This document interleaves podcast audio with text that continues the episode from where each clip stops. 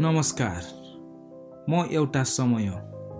मेरो मन र मस्तिष्क बिचको द्वन्द्वबाट उत्पन्न भएको ज्वाला र धुवाको मुस्लो मेरो चस्मा नलगाएको आँखा मार्फत प्रस्फुटन गराउँदैछु।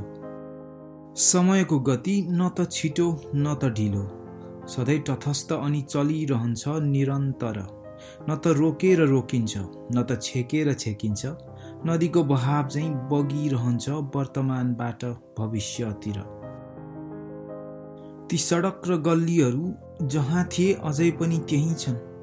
हिजो हालत जे थियो आज पनि अवस्था त्यही छ तर मेरो प्रवाह कहिल्यै रोकिएन। सधैँ चलिरह्यो निरन्तर। मेरो मनले भन्छ म बिस्तारै चल्नु पर्दछ।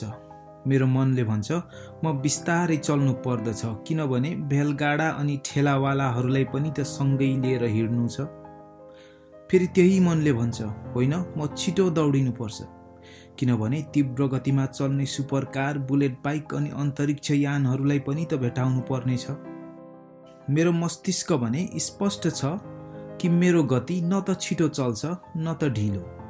सधैँ तटस्थ अनि निरन्तर सबैलाई सँगसँगै लैजानु पर्दछ यो यात्रामा समाहित गराएर।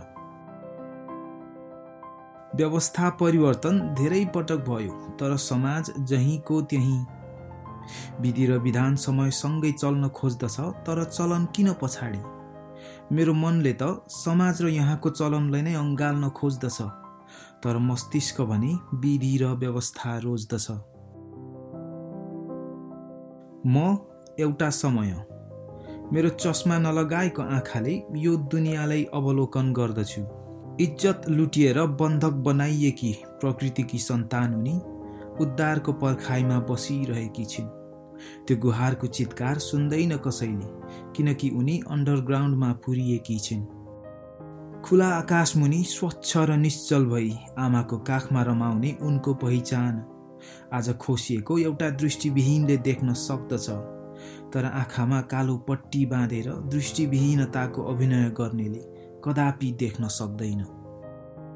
समयको प्रवाहसँगै पाप पनि पखालिन्छ भन्ने यहाँ एउटा भ्रम छ। समयको प्रवाहसँगै पाप पनि पखालिन्छ भन्ने यहाँ एउटा भ्रम छ। दशकहरू बित्दै जान्छन् अनि शताब्दी पनि आउँछ। तर यथार्थ सधैँ यथार्थ रहन्छ। यो यथार्थ लुकाइएको छ पुरिएको छ। डोजर लिएर यसको खोजीमा हरेक दिन निस्किने गर्दछु।